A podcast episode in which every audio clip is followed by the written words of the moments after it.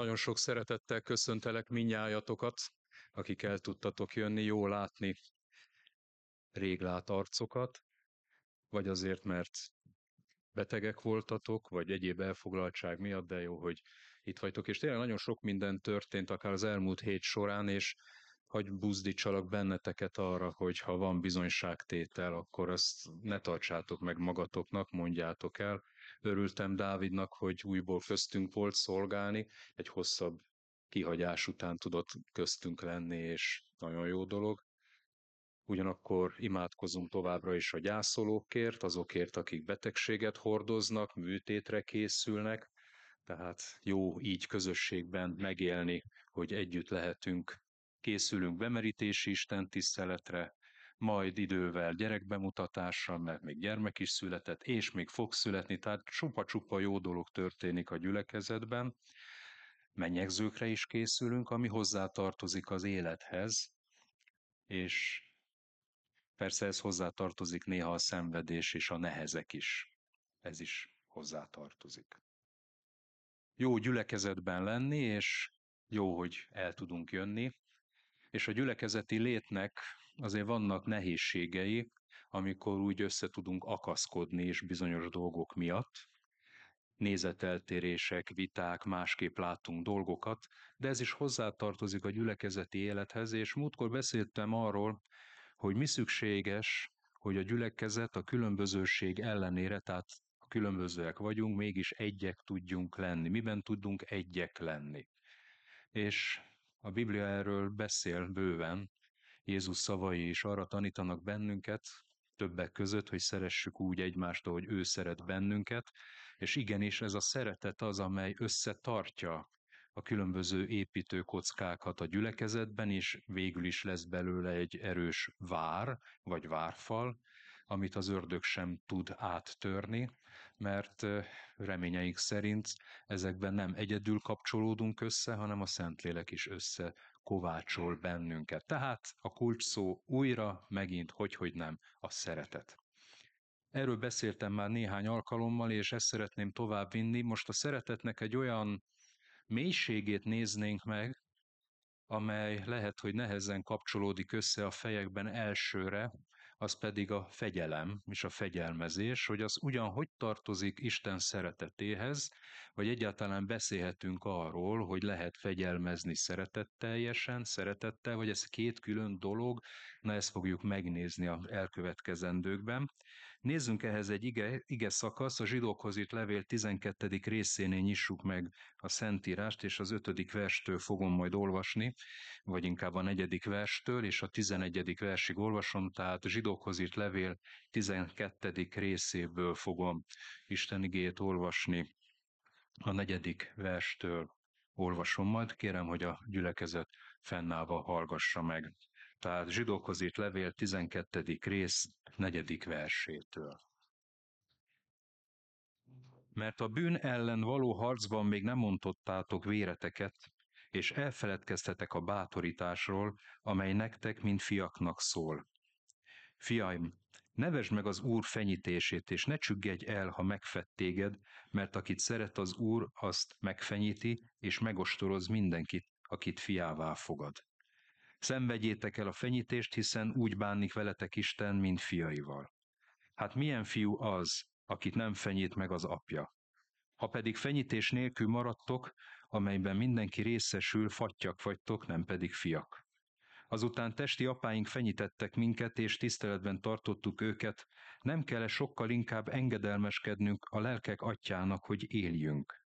Mert ők rövid ideig a saját elgondolásuk szerint fenyítettek, ő pedig javunkra teszi ezt, hogy szentségében részesüljünk. Az első pillanatban ugyan semmiféle fenyítés nem látszik örvendetesnek, hanem keservesnek. Később azonban az igazság békességes gyümölcsét hozza azoknak, akik megedződtek általa. Imádkozzunk. Hálát adunk neked, drága mennyi atyám, hogy te szereteted abban is megnyilvánul, hogy nem hagyod szó nélkül a mi bűneinket, a mi téveigéseinket, vétkeinket, hanem azt akarod, hogy úton maradjunk ezen a keskeny úton, és egykoron ott lehessünk a te dicsőségedben, ott lehessünk előtted színről színre látva téged. Mennyi atyám, taníts bennünket jól értelmezni a te szavaidat, és taníts meg arra a hozzáálláshoz, attitűdhöz, ami szükséges az egymás közötti szeretet megéléséhez is. Kérlek Istenem, hogy lelked által taníts bennünket most is. Amen. Foglalja a gyülekezet. Tehát múltkor ott hagytuk abba, amikor Máté Evangélium 18. részét is néztük, és ahol Isten szeretetéről is szó volt, abban a megnyilvánulásban, hogy például Krisztus, Isten az egyért is képes elmenni, ott hagyva mindent, ugyanakkor mégis ennek a végtelen nagy szeretetnek úgy tűnik, hogy megvannak azok a keretei, mondanám azt, hogy megvan a mélysége, magassága, és megvan a szélessége is, amely keretek jelzik azt is, hogy azért vannak olyan határai, például, hogy Isten igazsága azért nem lesz leszállítva, hogy azzal elérjen bennünket, és ebben a szeretetben mindent odaadjon. Tehát van egy korlát például, hogy Isten igazsága megmarad. Azt nem fogja lejjebb szállítani, hanem érvényre akarja juttatni. És beszéltünk arról, és valahogy ott hagytuk abba a Máté 18-at, hogy amikor valaki a lábamra lép, vagy éppen én teszem hasonlóképpen, nem biztos, hogy direkt akarom, bár az is lehet néha, hogy csak azért is.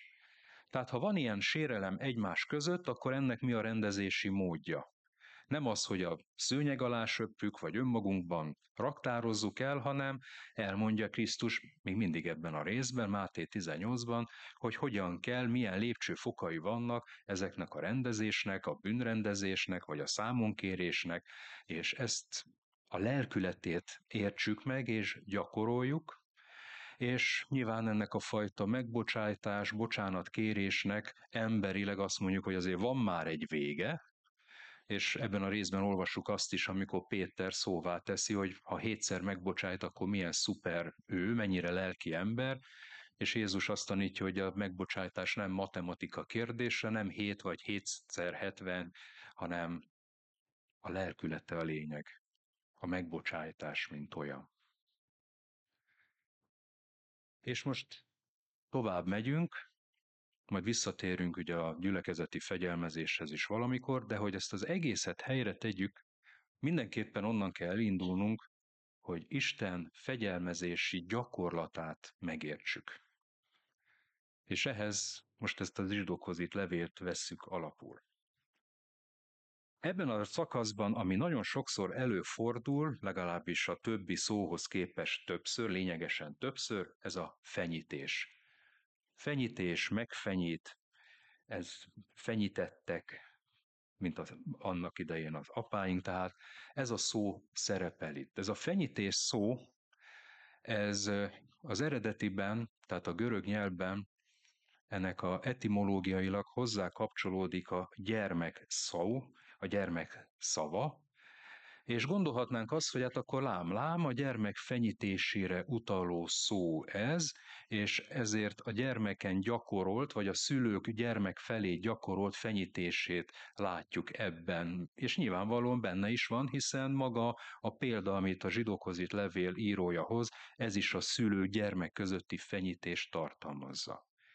De mielőtt azt gondolnánk, hogy ez csak testi fenyítés jelent, és csak arról lehet szó, hogy akkor jól elnánspángolom a gyermekemet, ha éppen valami olyat tesz, ennél többről van szó.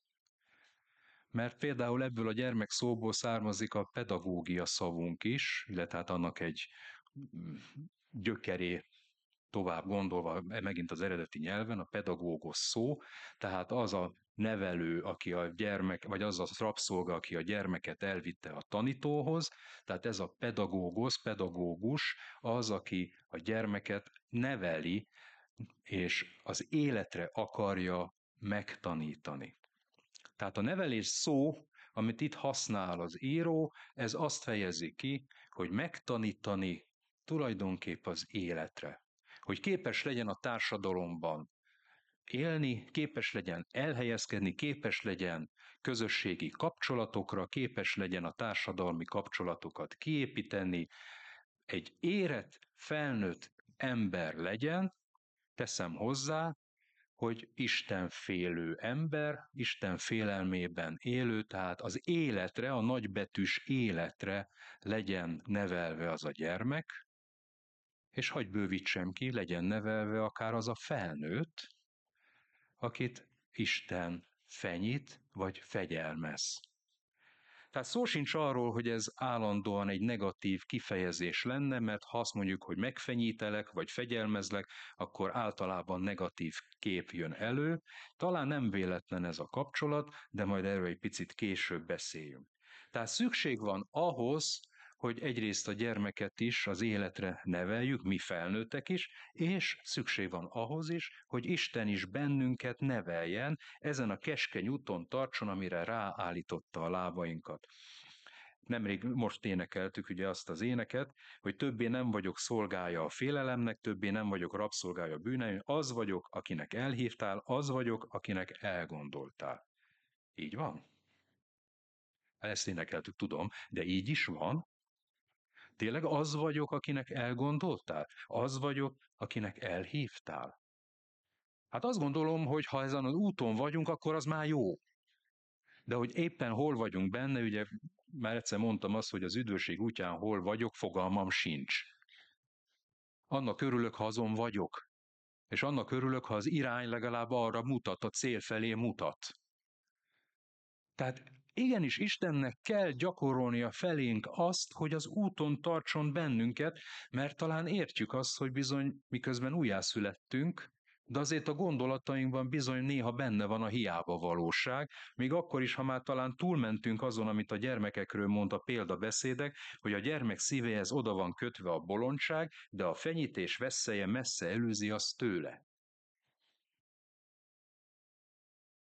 Néha azt látom, hogy nem csak a gyermekek gondolataihoz, szívéhez van oda kötve a bolondság, hanem sajnos hozzánk, felnőttekhez is.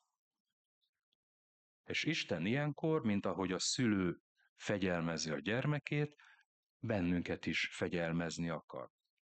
Azt is olvassuk még mindig a, a, a isteni fegyelmezésről, hogy a korintusbeliekhez itt levében, de amikor az Úr ítél meg minket, akkor nevel, hogy a világgal együtt el ne kárhozzunk. Timóteushoz írt levélben olvassuk a második levél második részéből.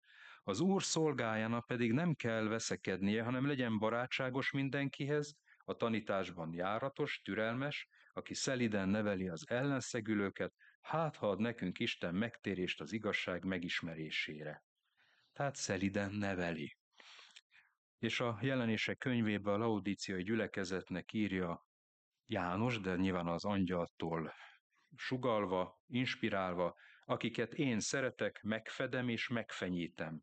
Légy buzgó tehát és térj meg. Szükség van ezek szerint Istennek a fegyelmezésére, figyelmezésére, fenyítésére, ahhoz, hogy ezen a úton maradjunk. Három okot szeretnék megemlíteni, amiért Isten fegyelmezi a hívőket. Az egyik az lesz, hogy ezzel bennünket retorzióba, megtorlásban részesít, majd kifejtem, és akkor jobban fogjuk érteni. Második oka, hogy megelőzé céllal, prediktív módon végezze, és a harmadik pedig, hogy oktat bennünket. Tehát először is értenünk kell, hogy a büntetés és a fegyelmezés az nem szinonimái egymásnak. Tehát a, amikor Isten büntet, az nem ugyanaz, amikor Isten fegyelmez, vagy az Isten fegyelmez, az nem ugyanaz, amikor Isten büntet. Gondoljunk abba bele, hogy az újjászületett hívő embereknek a büntetésre, mint olyanra nincs már szüksége. Nem büntet bennünket Isten. Ugyanis a bűneinknek a jussát Krisztus felvitte a keresztre, és ő szenvedte, felvitte a bűneinket, és ő szenvedte el a büntetést. Krisztus, ami tökéletes áldozatunk, amiben, akivel, akiben letudtunk a bűneik büntetését. Tehát Isten nem büntet bennünket, tulajdonképp, végkép, vagy a végeredmény tekintve, mert megtörtént Krisztusban. és kétszer ugyanazért nem büntetnek senkit, még a bíróságon sem. Ugyanakkor fegyelmez bennünket, tehát szükség van arra, hogy fegyelmezzen, mert miközben igaz, hogy a bűneinket megbocsájtotta, mi megbántunk, megbocsájtotta, Krisztusban kitöltötte a büntetést, mégis azt kell látnunk, sajnos, utalva a római beliekhez írt levében, hogy azt vesszük észre, nem azt cselekszük, amit akarjuk, hanem azt, amit nem. Tehát újra-újra besározódik a lábunk, bekoszolódunk, és szükség van ahhoz, hogy Krisztushoz menjünk, és szükség van ahhoz, hogy Isten figyelmezzen, figyeltessen, figyelmeztessen bennünket, fegyelmezzen bennünket. És ennek az egyik, ahogy mondom, megjelenése az, hogy bizony retorziók vannak, következményei vannak. Ugye a rómabeliekhez itt levélből idézek, ami pont arról beszél, hogy mindent eltörölt Krisztusban. Isten nincs tehát már semmi kárhoztatásunk azoknak, akik Krisztus Jézusban vannak, mert az élet lelkének törvénye Jézus Krisztusban megszabadított téged a bűn és a halál törvényétől. Minden bűntől megtisztított, János első levelében, ha pedig a világosságban járunk, amint ő maga a világosságban van, akkor közösségünk van egymással, és Jézusnak, az ő fiának vére megtisztít minket minden bűntől.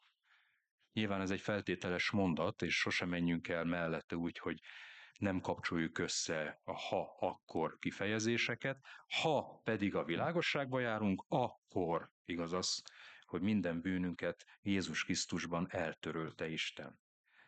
Tehát nem büntetés a fegyelmezés a mi életünkben, hanem utontartás, és ha kell retorzió, hogy vannak következményei, és nézzünk is erre mindjárt példákat, de még előtte megint csak a hozzáállást is lássuk, hogy Isten, tehát mi a mi testhelyzetünk ezekben a helyzetekben.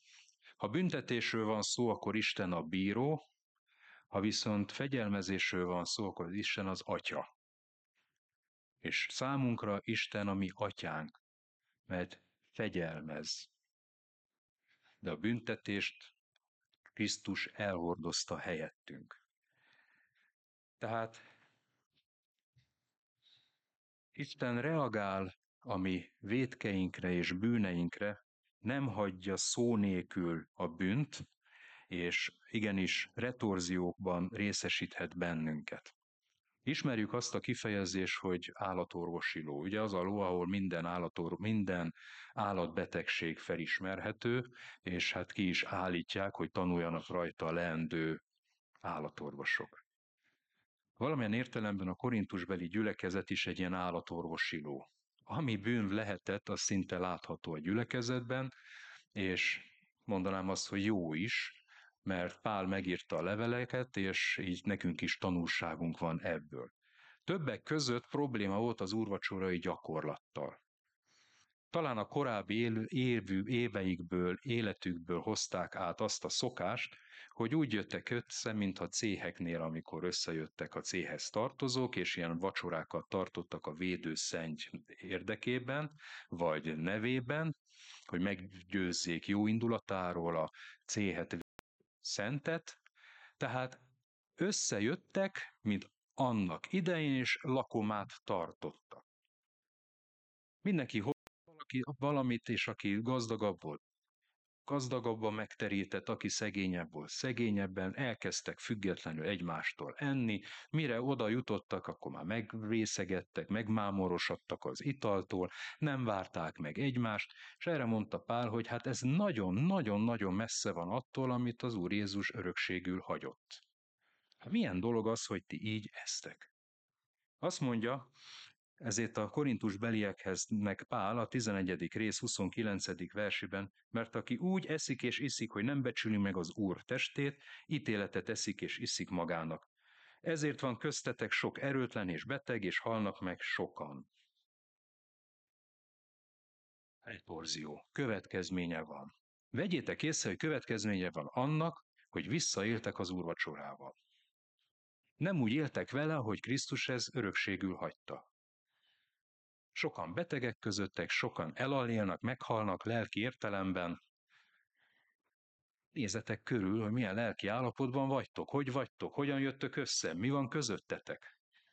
És ez azért van, hogy ezt vegyétek észre, vegyétek figyelembe, és tanuljatok belőle. Gondoljátok át, mondja Pál, persze nem csak a korintus beliekhez nekünk is mondhatja, hogy gondoljátok át, hogy azok, amik vannak az életetekben, nehézségek, próbák, szenvedések, olyan sziszifuszian menő munkák, hogy nem megy előre, hiába próbálom, tehát ezek a nehéz dolgok, hogy nem azért van talán, mert ez a következménye annak, hogy nem figyeltek oda Istenre, és nem úgy éltek, ahogy ő szentségéhez ez illő.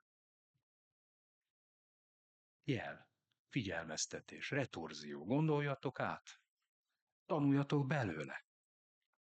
Mert ha mi magunkat ítélnénk magunkat, nem esnénk ítélet alá. De amikor az Úr ítél meg minket, akkor nevel, hogy a világgal együtt el ne kározzunk. Azt akarja, hogy megmaradjunk. Vegyük észre. Az, hogy szentek legyünk, az megint csak nem légből kapott dolog, nem egy olyan ránk erőltetett, csak a papok által kitalált lózunk, hanem benne van a Bibliában. Péter első levelében olvasjuk, hanem amit szent az, aki elhívott titeket, ti is szentek legyetek egész életviteletekben, mert megvan írva, szentek legyetek, mert én szent vagyok. Ez Isten akarata. Úton akar tartani bennünket, azt akarja, hogy mi jelenítsük meg a láthatatlan Istent, és az életvitelünkben is mutassuk azt, hogy mi hozzá tartozunk. Ott van példaképpen Dávid. Ismerjük a Becsabéval történt bűnesetet, amit megtetézett azzal, hogy nem csak héjvágyból megszerezte egy másik férfinak a feleségét, pedig a tíz parancsolatot ismerhette Dávid, hanem még meg is ölette.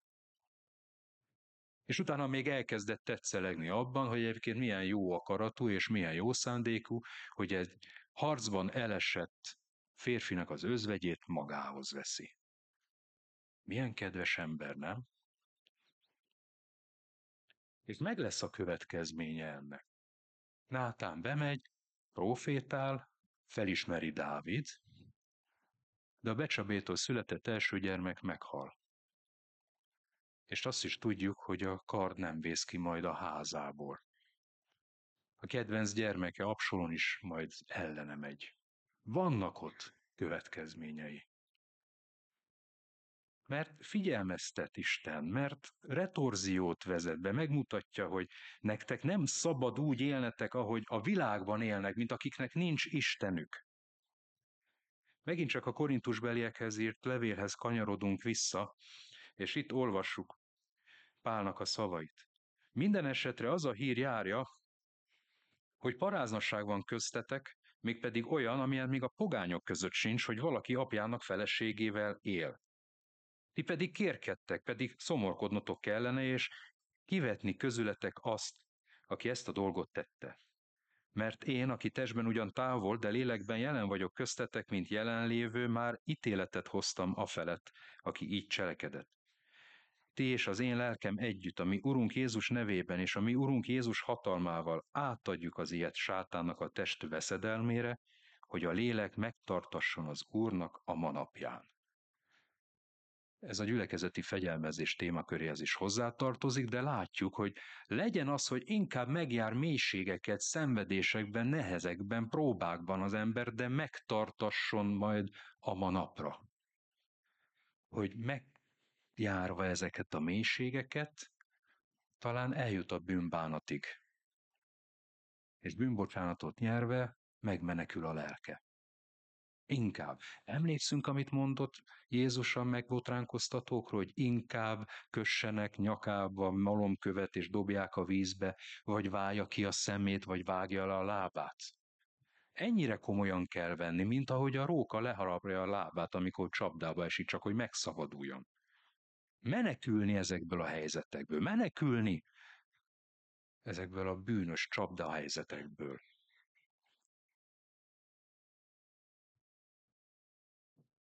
Hát feltár Pál egy olyan mélységét, egy olyan nézőpontot ennek, hogy inkább a mélységeken keresztül megszabadulni, mint elkározni. Dávid bűnesete után olvassuk a 89. Zsoltárban. Így szólít engem, atyám vagy, én Istenem, és, megszab- és szabadításom kősziklája.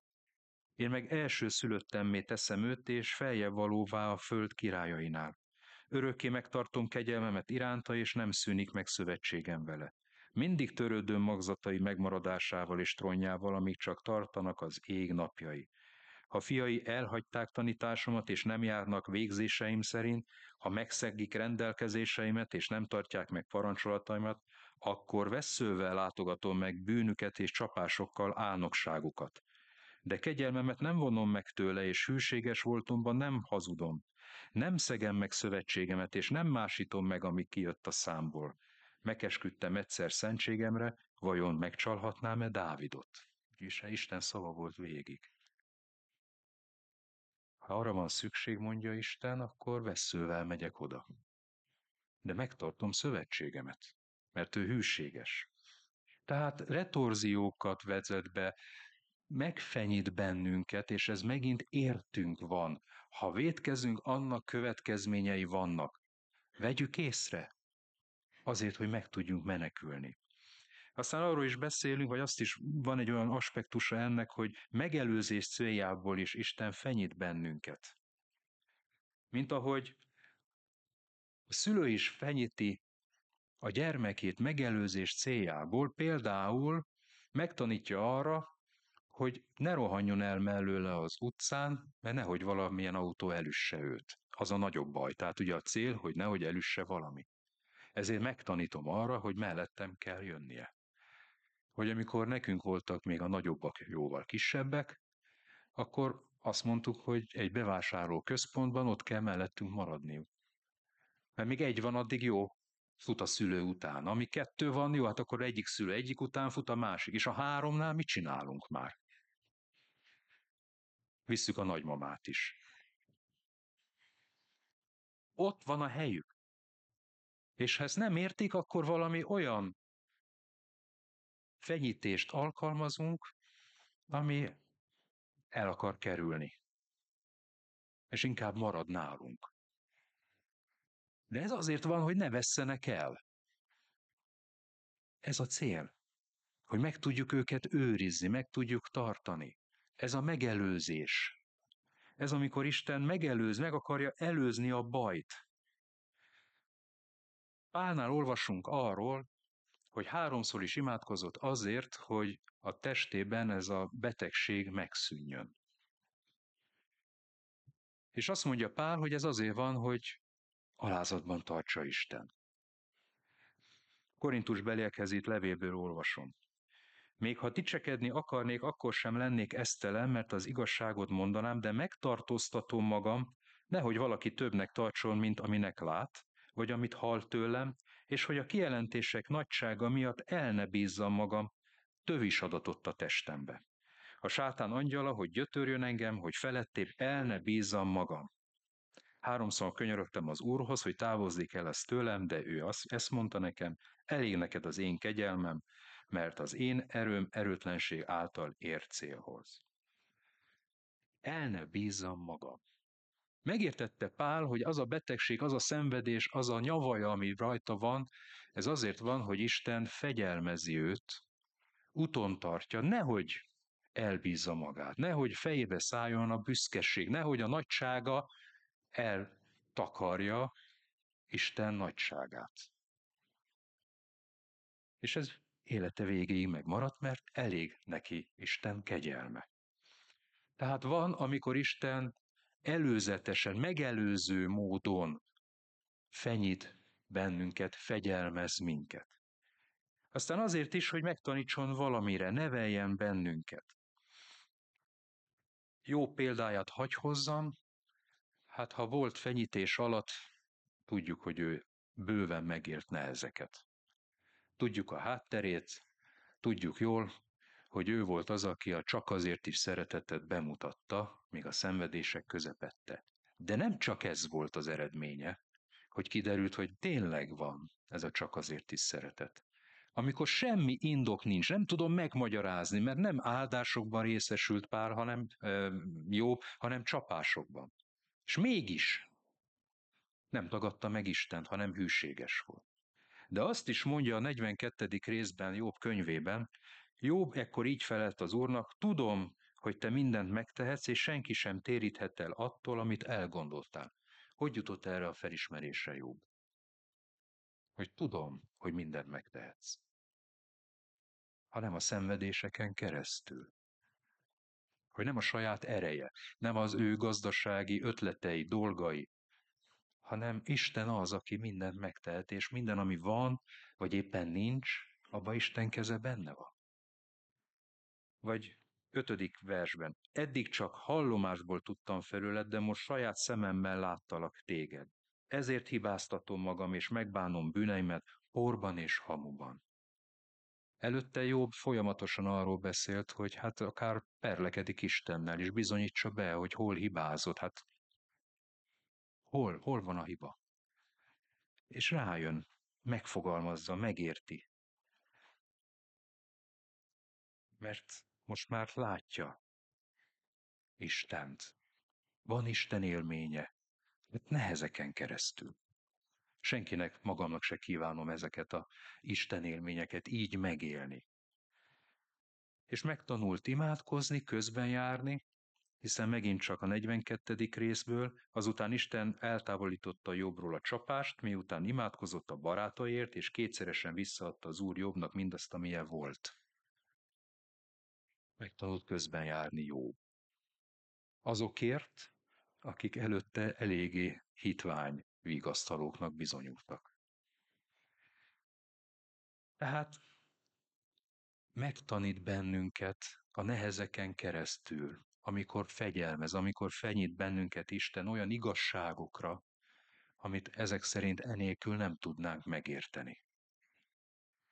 Tehát Hármas célja is van, amikor Isten fenyít bennünket. Retorzióval figyelmeztet minket, hogy következményei vannak, és még jobb most megjárni a nehezeket, mint majd a végén kiesni. Előzetesen is, tehát előre figyelmeztet, tanít, fenyít bennünket, hogy nehogy beleessünk azokba a dolgokba, nehogy védkezzünk, hogy bűnbe essünk, amiből még nehezebb kikecmeregni, és van, amikor azon keresztül tanít, oktat minket. Ez hozzátartozik Isten fenyítéséhez. Visszatérve a zsidókhoz itt levélhez, idáig elég sok igeverset néztünk meg, azt is láthatjuk, hogy ezért ennek a fegyelmezésnek megvannak a veszélyei. Két veszélyre hívja fel a figyelmet itt az író, az elsik az, egyik az, hogy megvetik, a másik pedig azt, hogy hogy is fogalmaz? Megvetik és elcsüggednek. Megvetik a fenyítést és elcsüggednek. Nagyon sokszor lehet hallani, hogy azok, akik átélnek nehezeket, Isten félőkről beszélek, azok abba az állapotba jutnak, hogy egyszerűen azt mondja, ha ilyen az Isten, akkor köszönöm, én nem kérek ebből. Én nem akarok így tovább menni. Megvetik Isten fegyelmezését, fenyítését. Ez az egyik veszély, hogy ahelyett, hogy élettel válaszolnának a fenyítésre, ehelyett eltávolodnak az élet forrásától eltávolodnak, és ezért mondom azt, hogy nem élettel, megváltozott élettel reagálnak, hanem megkeményednek, és a halál fele tartanak. Tehát ez az egyik veszélye annak, amikor a fegyelmezés történik. Megvetik Istent emiatt, eltávolodnak tőle. A másik az, hogy elcsüggednek, belefáradnak. Valóban nehéz elhordozni a szenvedéseket, a fájdalmakat, a próbákat. És belefáradunk, bele nehezedünk.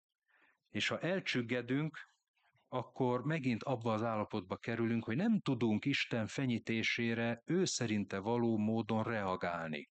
Nem a javunkra van, hanem belefáradunk. De jönnek a bátorító igék, Zsoltárok 34-ből, közel van az Úr a megtört szívekhez, és megsegíti a megsebzett lelkeket, sokba éri az igazat, de valamennyiből kimenti az Úr. Igen, van, hogy erre hittel kell ráállni. Hogy nehezekbe vagyok, alig tudom elhordozni, de Uram, Te nagyobb vagy ezeknél is, és képes vagy megtartani. Adj még egy kis erőt. És eddig azt láttam, hogy akik így tudtak imádkozni, ezzel a hittel, bizalommal mentek Istenhez, azok kaptak erőt a nehezekben is. Miért csüggetsz el lelkem? Miért nyugtalankodsz bennem? Bízzál Istenben, meg még hálát adok neki az ő szabadításáért.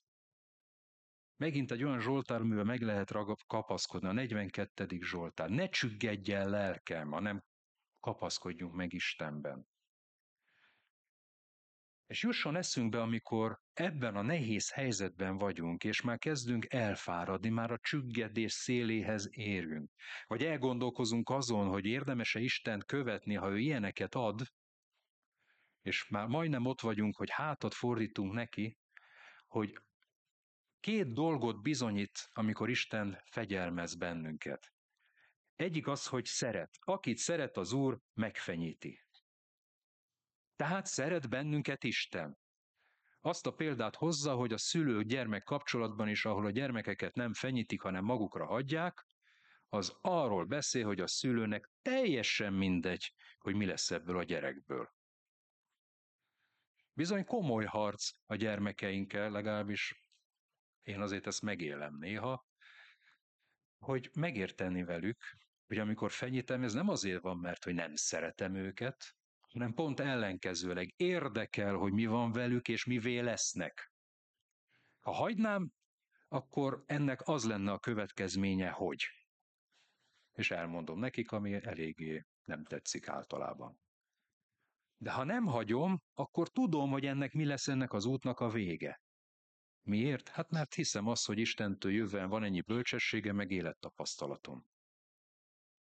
Nem azért teszem, mert hogy nem szeretem őket, hanem pont azért, mert szeretem őket. Isten azt mondja, hogy amikor, vagy az igénk, amikor fenyít bennünket Isten, pont ez fejezi ki, hogy szeret minket. Meg azt is kifejezi, hogy a fiai vagyunk. Mert akit megfenyít, megostoroz, azok a fiai. Szeret bennünket Isten, és még ráadásul a gyermekei is vagyunk, Azért mondom, hogy a nők is értsék, hogy nem csak fiak vannak. Gyermekei vagyunk. Hát ez milyen nagyszerű állapot, helyzet, hogy gyermekek vagyunk, és szeret bennünket. Nem zabi gyerekek vagyunk, hanem örökébe fogadott gyermekei, akit nagyon szeret, és ezért fenyít minket, ha erre van szükség. Hogy ezen a keskeny úton tartson bennünket. 7.-8. vers mondja, szenvedjétek el a fenyítés, hiszen Isten úgy bánik veletek, mint fiaival. Mert melyik fiú az, akit nem fenyít meg az apja? Ha pedig fenyítés nélkül valók vagytok, amelyben, amelyben mindenki részesül, akkor korcsok vagytok, nem pedig fiak. És melyikünk akar korcs lenni? Akit úgy megvetnek, aki úgy az út szélén. Nem érdekel, hogy mi van, bele is rugok. Nem csinálunk ilyet persze, de értjük a példázatot. Hát igen, van, hogy megostoroz bennünket, és ez a szó az az, az ostorozás, amit korbácsolásra használtak, és van, hogy Isten megkorbácsol bennünket, van, hogy nagyon nehezeket élünk meg, nagyon nehéz akár önmagunkkal küzdeni, vagy egy helyzettel, nagyon nehéz élethelyzetekbe tudunk belesodródni, akkor gondolkozzunk el azon, hogy vajon miért, hogy lehet, hogy Isten ezzel figyelmeztet, ez egy retorzió, tanítani akar, és azon is gondolkozzunk el, ha nem jutok ilyen helyzetbe. Nincsenek nehezek. Nem fenyítenek. Ez azért van, mert hogy korcs vagyok. Mindenki magát vizsgálja meg értelemszerűen. Ha nem volt az életemben próba, nehézség, akkor lehet, hogy ezért van. Mert Isten azt mondja, hogy megfenyíti a gyermekeit, uton tartja. Nyilván van az a áldott állapot, amikor annyira keskeny út közepén haladok, és olyan célirányosan előre, hogy egyszer nem kell fenyíteni. Hát én sajnos nem tartozom közéjük. Tehát ezek mind jelzések, és milyen gyümölcse van ennek, mert hát hiszen erről is beszél az írás, mert azok csak rövid ideig, tehát a szüleink tetszésük szerint fenyítettek, tehát volt az, hogy hibáztak is a fenyítésben, igen, én is hibázok a gyermekeim fenyítésében, és ez jó, ha észreveszem, és bocsánatot is kérjek tőlük, mert van ilyen. De Istennél nincs ilyen, hogy ő hibázna és ennek megvan a gyümölcse. Ő pedig javunkra, hogy szentségében részesüljünk. Isten, amikor fenyít bennünket, azért teszi, hogy javunkra legyen, hogy szentségében részesüljünk. Mert azt akarja, hogy éljünk. Semmilyen fenyítés nem látszik jelenleg örvendetesnek, hanem keservesnek, ám de utóbb az igazság békességes gyümölcsével fizet azoknak, akik megedződtek általa. Kár, de ez így van, hogy ezekben erősödünk meg. Lelki életünkben így haladunk előre, hogy Isten belenged a nehezekbe, védkeink, bűneinknek a következményét, retorziója megjelenik, vagy éppen előzetesen, megelőzve a nagyobb bajt, figyelmeztetés, mint pál van egy tüskét, egy nehézséget elhelyez, és tanít. De ezeken keresztül edzettebbek leszünk.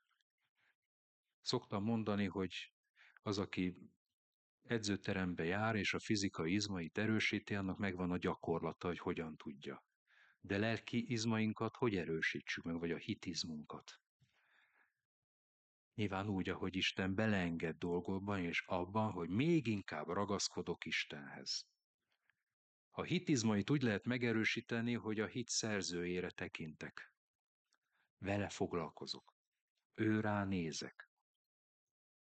A zsidókhoz itt levél, amik, szerzője, amikor ezt megírja a 12. részben, hogy Isten hogyan fenyít bennünket, ezt úgy írja meg, hogy előtte a 11. részben a hithősök panteonján vezet végig bennünket az Ószövetség és az Új Szövetség hithőseire mutat.